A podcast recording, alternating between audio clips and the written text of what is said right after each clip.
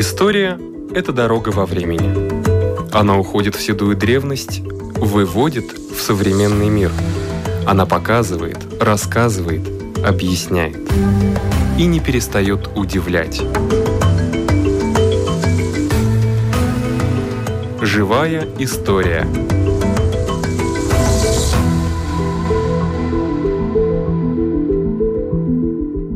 У микрофона Лидия Чера.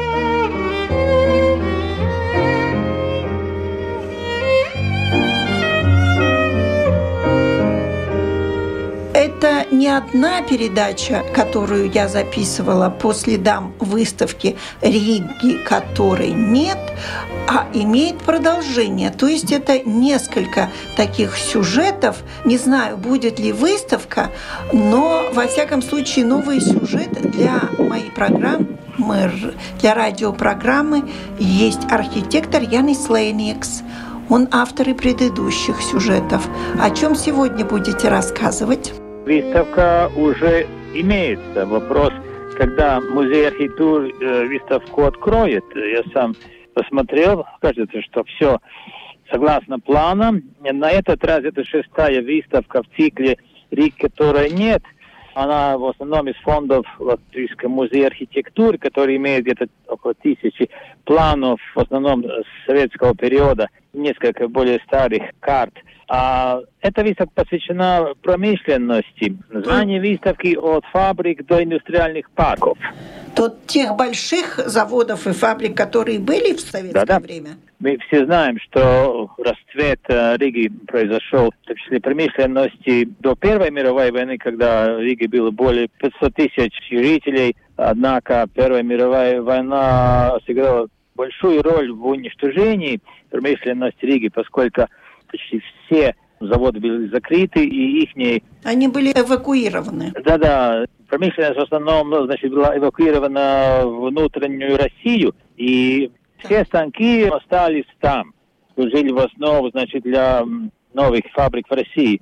И 20-30-е годы, конечно, мы имеем некоторый успех, э, завод ВЭФ и тому подобное, но, конечно, объем э, промышленности составлял только часть э, довоенной промышленности.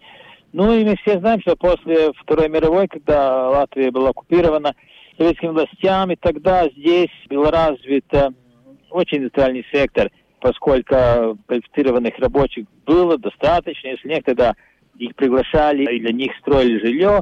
И в советское время предприятия были э, группированы в так называемых промышленных узлах. Там промышленность, э, улица Гранита, станция промышленная – Иманта возле Болгарайской железной дороги. Ну и на выставке это все, значит, эволюция, она показана на картах и на фотографиях. Конечно, мы доходим до сегодняшнего дня, когда в основном старые фабрики закрыты, а на место их строятся новые, в основном жилье или промышленные, или общественные здания. Но, к сожалению, много таких, э, которые, значит, еще своего будущего не знают. Просто они закрыты, и тут, э, скажем, стоят э, корпуса без проектов. Но есть и позитивная часть, так называемые э, индустриальные парки. В Пурцемсе, Дарстемс есть несколько новых зданий. Конечно, это уже софт, это уже в основном это не загрязняет, идет монтаж, всякое оборудование, электронное оборудование и такое классическое, тяжелое промышленности уже в Риге нет. И, честно говоря, вот как у архитектора хотелось бы спросить. Я не так давно была в Задвинии, недалеко от Типсалы. И там вот эти вот промышленные большие здания переделаны в жилые дома. Мне кажется, что это очень правильно, но, наверное, все-таки очень много надо и дорого это переоборудование стоит. Да, это точно, но у нас отличный пример, это называем э, гипша фабрика, небольшой завод в середине Кипсала. Да. Там известен и фабрика с ресторан. Там место приличное, даже великолепное, с видом на старый город. Конечно, такие места, они могут иметь и имеют позитивное будущее. Однако есть и, и такие более тяжелые участки, скажем, рижский вагоностроительный да. пустует, Sarkanā zvaigzne, на Брīvības пустуе, там тоже есть проекты развить жилье и общественные функции, но не такое, скажем, хорошее место для жилья около главной магистрали и железной дороги. Следовательно, не всем местам так посчастливилось. Позитивный пример завода «Аврора» возле Марас Дитис, где ну, он не завершен этот комплекс, но первые дома там построены. Конечно, жизнь возле Марс Дитис должна быть очень приличной. Да, она должна быть более удачная. Я когда-то была на сигаретной фабрике, и там на Мера, где сейчас... Да, да, Табакоснамс. Да, Табакоснамс. Мне казалось, что запах сигарет оттуда не уйдет никогда. Что ну, почему бы нет? Это не обязательно курить. Да, ну настолько был прокурено это место, не прокурено, а пропахло.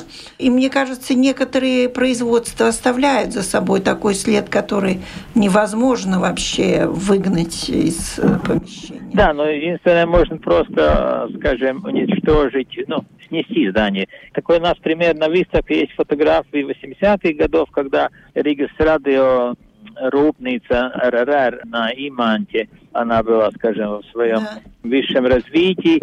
Ну, сегодня мы, мы знаем, что этот э, десятиэтажный административный корпус снесен, и на место этих цехах, крупных да, этих да. холлах, там сейчас устраивается базар, магазины, ну, следовательно, будут, будут и офисы. Там уже не пахнет радиопроизводством, но, конечно, жизнь поставила новые условия, мы не можем соперничать, скажем, ни с Sony, ни с Philipsом, и, следовательно, у нас совсем уже другой характер города. К сожалению, Рига уменьшается, более 600, более уже до 900 тысяч жителей, до 600 тысяч жителей, следовательно, производство уходит в пригород, в Мару, даже там строятся новые здания, поскольку в Риге это дорого, там налоги и транспорт недоступен. Да. Понятно, что промышленность свое лицо меняет. Раз мы говорим о том, чего нет, то, может быть, даже спрогнозируем то, что, возможно, будет скоро. Ведь сейчас люди использовали работу удаленно, и очень возможно, что часть так и останется работать удаленно, те, которые работают только с компьютером. И это значит, что нет заинтересованности быть ближе к работе, и, соответственно, Рига еще больше опустеет. Вы наверное, правильный прогноз поставили. Сейчас ведь у нас есть новая э, Дума, которая, я еще не видел планов, но они обещают, что новый генеральный план, план развития города, который должен быть почти уже три года тому назад, просто пролонгирован предыдущий план, который был намерен на развитие и при других обстоятельствах, поскольку он был сделан в начале этого века, я думаю, что это сейчас такое виза планировщикам и политикам э, найти то золотое дорогу между объективным обстоятельством, который говорят, что, мол, Рига уменьшается. Надо найти какое-то чудо развитие. Это может быть новые технологии. Люди, конечно, могут э, жить в пригороде, но я думаю, что Рига все-таки такой большой культурный центр – всегда будут тяготеть э, люди на выходные или вечером побывать, побежать в Риге. Они работать, конечно, могут и в других местах. Да, а сейчас я вообще подступлюсь к кощунственной теме. Вы же давно уже работаете архитектором. Скажите, а что было бы в Риге, если бы был метро? Ну, тогда люди перемещались очень быстро с э, Иманты на Веф или, на, ну, или от, от Урцемса на Иманту. Но это был, значит, такой период развития, когда деньги шли от Москвы, когда здесь всесоюзное министерство хотели размещать побольше заводов, привозить рабочую силу. Это был бы индустриальный город, конечно, качество жизни было бы другое, тогда было бы развитие только микрорайонов, поскольку частное строительство было запрещено с 60-х годов в Риге. Нельзя было построить частный домик, но, конечно, оказывалось, что это вид э, развития промышленности и всего общества не был, значит, оптимальными. Переменами имеем сейчас на лицо. Я понимаю, вы где-то гуляете на свежем воздухе, нет? Да, я сижу около моря, надо сказать. Поздравляю. Поэтому Спасибо. иногда ветер немножко задувает. Ну вот мы спрогнозировали немножко и прошлое, немножко будущее. Можем завершать разговор. Выставка. Да, я приглашаю на выставку на три брата в старом городе. А в следующем году я обещаю, что я намерен сделать как раз окончательную седьмую выставку в цикле Рига, которой нет, посвящену Перига. То есть этим новым поселкам, новым даже сейчас мы имеем, ведь новые города будут, Тякова, даже Марупе. И планам, которые были в свое время, э, конечно, другие. Советская власть не была намерена там развить определенные города. Но дело меняется. По-русски это окрестности Риги. Такова будет в следующем году выставка. Да. Ну, хорошо, рада вашей задумке. Встретимся в следующем году. Спасибо вам. У нашего микрофона был архитектор Янис Лейникс.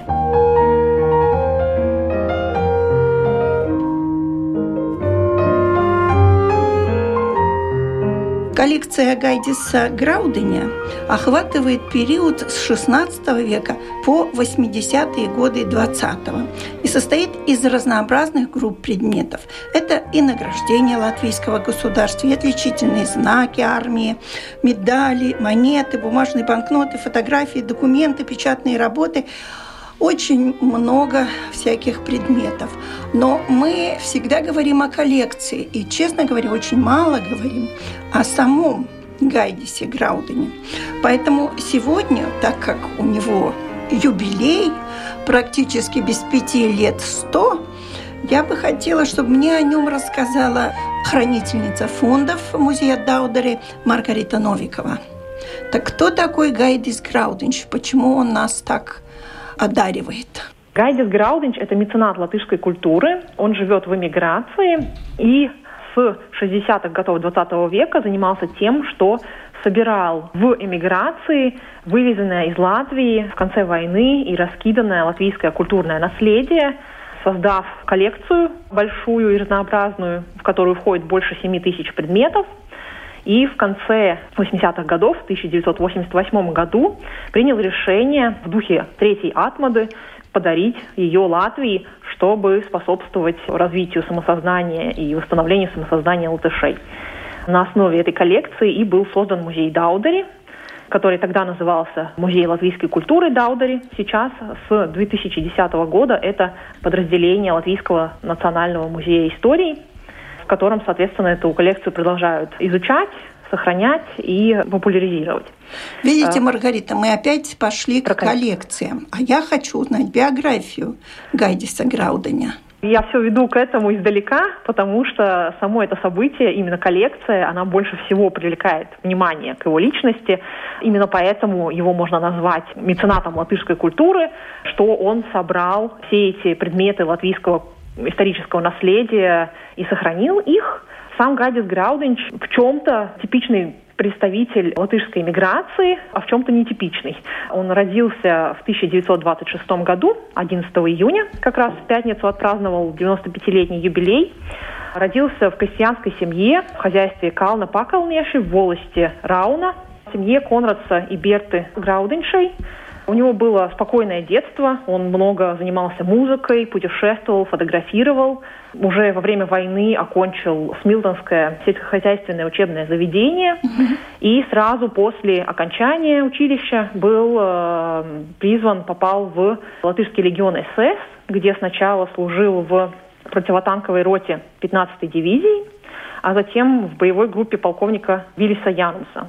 И, соответственно, в конце войны при отступлении попал на территорию Германии, другого пути не было. Поэтому дальше он жил на территории Германии, сначала в лагерях для интернированных военнопленных, куда попадали, соответственно, те, кто были в нацистской армии. И после уже фильтрации в лагерях для перемещенных персон, где э, жили гражданские, и начал работать, как только это было позволено, на горах в Гарте, где выполнял обязанности лесного работника. Но его очень быстро заметили как подающего надежды и пригласили в британские военные силы в Германии на курсы руководителей, офицеров. Он после их прохождения занимался обучением военных, других латышей, которые пошли на службу в британские военные силы в Германии. После Второй мировой войны в оккупационной зоне союзников э, в Германии в том числе действовали так называемые подразделения британских военных сил. И часть групп, часть подразделений имела военные единицы, состоявшие из, э, в том числе, людей, которые попали в Германию в конце войны в ходе иммиграции и переселения. В том числе были и латышские военные взводы. И вот в одном из таких Гайдис Граудинч служил до 1958 года. В 1959 году ему предложили работать в НАТО. Есть такая гражданская структура НАТО.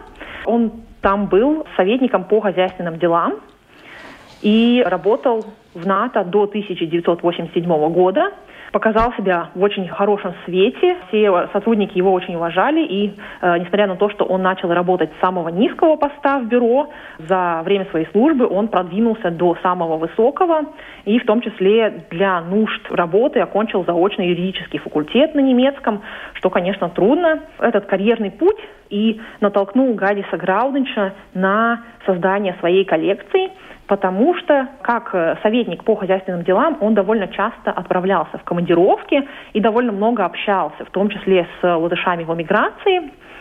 Соответственно, он часто сталкивался с тем, что семьи, которые после войны из Германии переселялись в другие западные страны, оставляли на территории Германии наследство, культурные наследия, семейные реликвии, ценности, которые они забрали с собой в эмиграцию, сколько они могли забрать, потому что, во-первых, при переселении был лимит того, что можно взять с собой, а во-вторых, конечно, сложнее намного отправиться с большим грузом из Германии, скажем, в Америку, чем из Латвии в Германию. И, соответственно, так постепенно стала образовываться коллекция Гайдиса Грауденча. У истоков его интересов лежали книги, Сначала он собирал книги про Карлиса Улманиса, и это родило в нем большой интерес к истории Латвии, к довоенной истории Латвии, и, и стимулировало занятие коллекционированием. Довольно хорошо ему это поддавалось, и уже в 1975 году коллекция занимала всю его квартиру. К счастью, тогда он приобрел дом в Детмальде, и уже к 1980 году начал систематизировать свою коллекцию, э, оформлять ее в витрины, рамы. И таким образом родился на свет, появился музей, латышский музей Гайдиса Грауденча, находившийся с 1980 по 1986 год в городе Детмальд в Германии. В 1986 году, опять же, был перенесен в другой город, Гретен, тоже в Германии, недалеко от Ганновера и э, стал одним из таких центров собирания латышского культурного наследия, латвийского культурного наследия в эмиграции. Уже в послевоенные годы этот вопрос был довольно актуальным, и в том числе Гайдис Грауден чем занимался. Как отмечает с гордостью сам коллекционер, к 1980 году у него была самая полная коллекция латвийского культурно-исторического наследия в свободном мире. Музей его работал бесплатно, Туда можно было попасть, посмотреть на наследие Латвии. Также к нему часто приезжали группы коллективов, связанных э, с латышской миграцией из Германии и из других стран, куда переселились семьи после войны. Музей действовал как э, такой небольшой центр латышской миграции, а сам Гадис Граудинч был э, довольно активным тоже участником культурной жизни латышской миграции в Германии. Он способствовал созданию, в том числе с другими активистами, латышского центра в Мюнстере, при латышской гимназии в Мюнстере, который занимался развитием, поддержанием латышской культуры в эмиграции. Также участвовал в организации Даугавас Ванаги, Ястребы Даугавы, то есть активно действовал, чтобы сохранять латышскую культуру в эмиграции. И в рамках уже третьей Атмады в конце 80-х годов как раз решил, что место коллекции не за границей, а именно в самой Латвии, где ее можно тоже будет свободно посмотреть, и подарил ее латвийскому государству в 1989 году. На основе именно этой коллекции был создан музей. А его личная жизнь как сложилась? Личная жизнь сложилась удачно. Был женат, у него есть сын, и на данный момент он живет с гражданской женой, счастливо в Германии. Вместе с ней они создавали музей. Она по образованию ландшафтный дизайнер, поэтому помогла как раз-таки частный дом, в котором находился музей, дом Гайдиса Грауденча, ему вместе с ним оборудовать, сделать репрезентабельным. И Гайдис Грауденч, когда рассказывает о временах бытности этого музея, с гордостью говорит, что туда можно было прийти не только самим латышам в эмиграции, но и иностранцам, чтобы посмотреть, как живут латыши, как жили латыши до войны. Ну да, я слышала, что он большой перфекционист любит порядок во всем, и именно учет этих его документов все очень перфектно сделано. Вы имеете в виду коллекцию? Да, да, да. Для коллекционера, конечно, Гайдис Грауденч очень э, систематизированно подходит к своей коллекции, и у него имеется также архив его писем, который позволяет некоторые вопросы прояснить по поводу того, как коллекция создавалась. Сам Гадис Грауденч всегда тоже с гордостью отмечает, что он ни один из предметов не получил просто так. Каждый он либо обменивал, либо покупал. И в музее, соответственно, он тоже старался эти предметы выставить систематически. Однако, конечно же, его музей был частным. В конце 80-х годов еще представления частных лиц о том, как устраивать музей, они отличались от тех норм, которым следует музеи и сейчас – Поэтому одна такая характерная особенность коллекции и Гадиса Грауденча, и всех коллекций, что, конечно же, она в очень большой мере анонимизирована, поскольку сам коллекционер уже и не помнит или не хочет раскрывать всех лиц, от которых он получил свои ценности. И, соответственно, мы этого не знаем, и предмет теряет часть своей истории, либо всю свою историю, становясь таким больше иллюстрационным материалом, что, конечно, не отнимает у него ценности, но вот это такая особенность. Даже при очень систематичном, заботливом подходе к предметам все равно, это, к сожалению, характерно именно частным коллекциям, все равно много что теряется. Хотя есть коллекционеры, которые ведут очень-очень детальный учет. Но вот э, коллекция Гадиса Грауденча, во всяком случае, у нас в музее с 90-х годов э, велся собственный учет, музейный учет этих предметов. Но он каким-то образом требует отчета, что все сохранилось. Он сам приезжает в Латвию. Да, Гайдис Граудинч приезжал до пандемии в Латвию каждый год, или один раз, или Боже. два раза в год. У него здесь есть э, имущество и э, предприятие, которое ему принадлежит, которое по его заданию управляется. В том числе он приезжает в музей, продолжает поддерживать э, действия музея, в 2019 году в музее была открыта экспозиция, которую спонсировал он. Она посвящена истории самого дома, потому что особняк Даудери является тоже культурным памятником местного значения. У него своя длинная история. Летняя резиденция Карлиса Улманис, это все, что числе, я знаю. В том числе. Да. Э, и также Гайдис Грауденч иногда спрашивает про свои экспонаты, но в целом мы, как Национальный музей, отчитываемся Министерству культуры. У Гайдиса Грауденча, конечно, особые отношения с музеем, поскольку это его коллекция. Если говорить о какой-то отчетности, то это скорее человеческая коммуникация. Мы сообщаем, что вот на выставке побывали такие-то, может быть, его предметы, или в экспозиции используются такие-то предметы, или будут использоваться. Но в формальном смысле мы не отчитываем отказываемся, потому что коллекция подарена Латвии, и ее сохранением и учетом занимается Национальный музей на данный момент. Конечно, надо понимать, что в 95 лет там могут быть какие-то проблемы с сознанием. Надеюсь, что все будет хорошо. Градис Градович очень бодрый человек, да? несмотря на свой да. глубокий возраст, очень бодрый, очень хорошо сконцентрированный и старается и участвовать в жизни музея, и с пониманием дела относиться, э, но Нельзя сказать так, чтобы у него были проблемы с сознанием, несмотря на глубокий возраст. Наверное, физкультурой занимается. Может быть, может быть. Дай бог ему здоровья. В 95 лет это прекрасно, что он еще двигается и куда-то ездит. И все у него в жизни случилось правильно. Есть, может быть, какой-нибудь уникальный предмет, о котором бы хотелось бы рассказать? Особый предмет, который стоит как бы особняком из всех коллекций всех коллекций. Самый ценный предмет, тоже интересный и хорошо показывает характер Гайдиса Граудича как коллекционера. Это картина Вильгельмса Пурвитиса «Весенний пейзаж», которая попала в коллекцию музея совсем недавно, в 2017 году. Дело в том, что Гайдис Граудич, конечно, продолжает пополнять свою коллекцию. И время от времени к нам приходят новые поступления. Эта картина, одна из них, ее можно видеть на втором этаже в экспозиции музея. У нее очень интересная история. По всей видимости, во время Второй мировой войны она была вывезена из Латвии. И в 2017 году Гайдис Граудович по телевизору увидел, что Пурвитиса, которого ни с кем не перепутать, продают на аукционе. И, конечно же, решил и понял, что он, как меценат латышской культуры, должен эту картину тоже приобрести и вернуть в Латвию но не успел ее купить, ее продали уже на другой аукцион в Швецию. И тогда Гадис Граудинч отправился в Швецию и купил там эту картину, которая теперь является самым ценным экспонатом в нашей коллекции и за последние годы в коллекции всего музея. Это самое ценное приобретение. Это такой интересный экспонат, тоже можно прийти и посмотреть. история интересная. Да, хорошо показывает характер коллекционера. Да, очень интересно всегда предмет – это предмет, а рассказ об этом предмете – это уже совсем обогащает этот предмет в несколько раз сразу, когда есть какой-то рассказ о любом предмете. Да. У да. нашего микрофона была хранительница фондов музея Даудери Маргарита Новикова.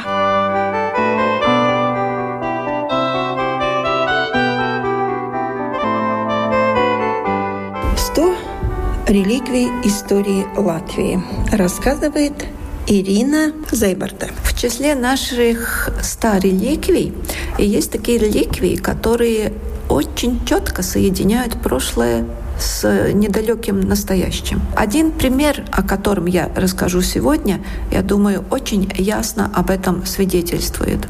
Речь идет о мече. Меч который во все времена считался одним из благородных орудий воина, который свидетельствовал о определенном статусе воина и всегда очень-очень высоко ценился.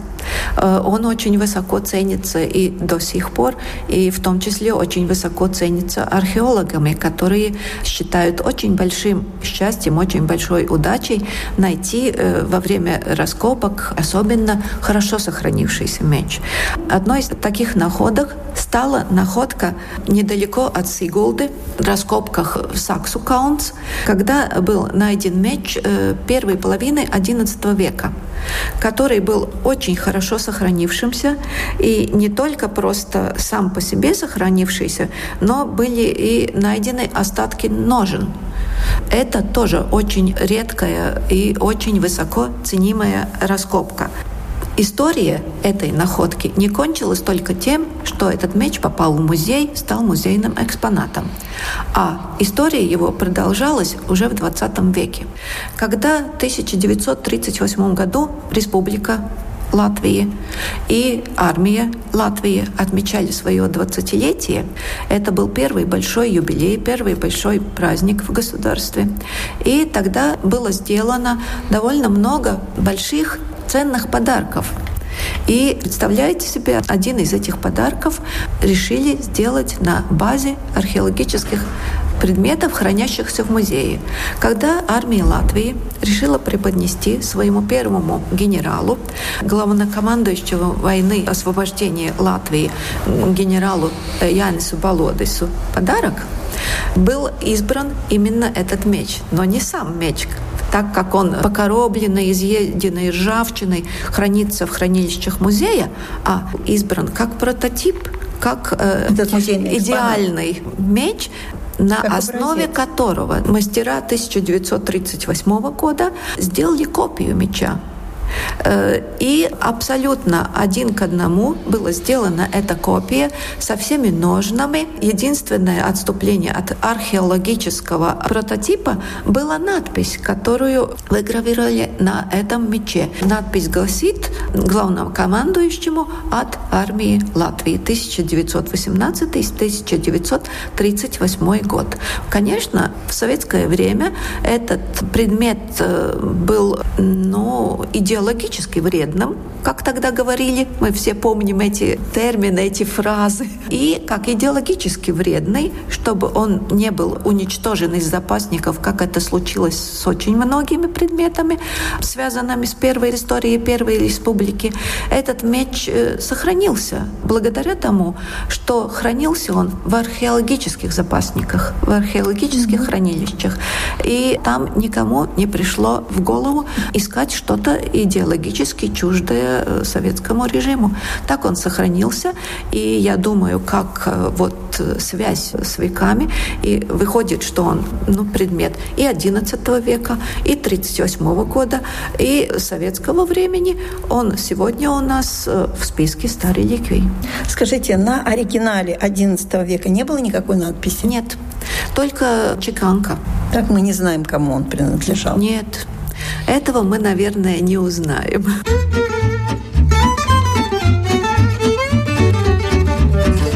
На этом наша программа заканчивается. Всего вам доброго.